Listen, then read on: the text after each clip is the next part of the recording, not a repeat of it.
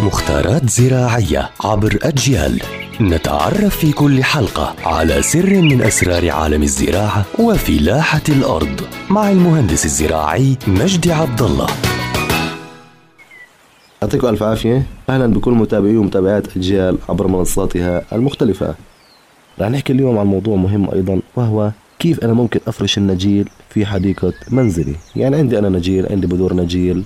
كيف أنا ممكن أفرشه؟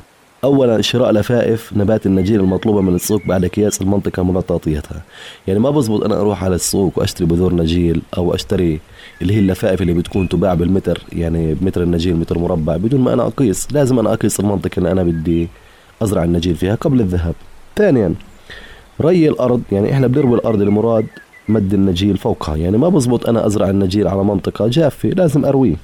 وأيضا بننظف حديقة المنزل ان لم يكن هناك تربة بحيث ما بصح إنه نلف النجيل فوق الأوساخ. يعني ما بصح إنه إحنا نمد النجيل فوق الوسخ كما أن المياه تعمل على إبقاء الأرض رطبة أسفل وتبقيه يافعا بمعنى أنا لما بروي الأرض قبل زراعة النجيل النجيل بضل أخضر بضل قوي بضل مليح.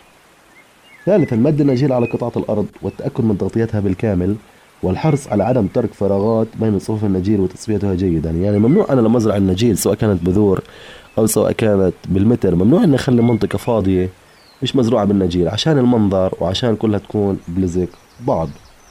رابعا ري النجيل كل صباح يوميا ويفضل عدم المشي فوقه لمدة أسبوع. يعني ما بزبط أنا لما أزرع النجيل الأخضر قضيها رايح جاي وأمشي عليه لأنه راح يموته راح يبسه راح يعيق نموه. لأنه النجيل بالنهاية نبتة تخيل أنت نبتة زارعها وتدعس عليها تمام؟ أكيد راح تعيق نموها.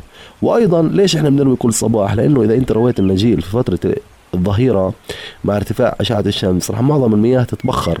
فانت بتروي الصبح أساس النجيل تأخذ الحاجي الكافي الوافي من الماء؟ فهذا موضوعنا اليوم إن شاء الله رب نكون أفدناكم ونكون عند حسن ظنكم. يعطيكم ألف عافية.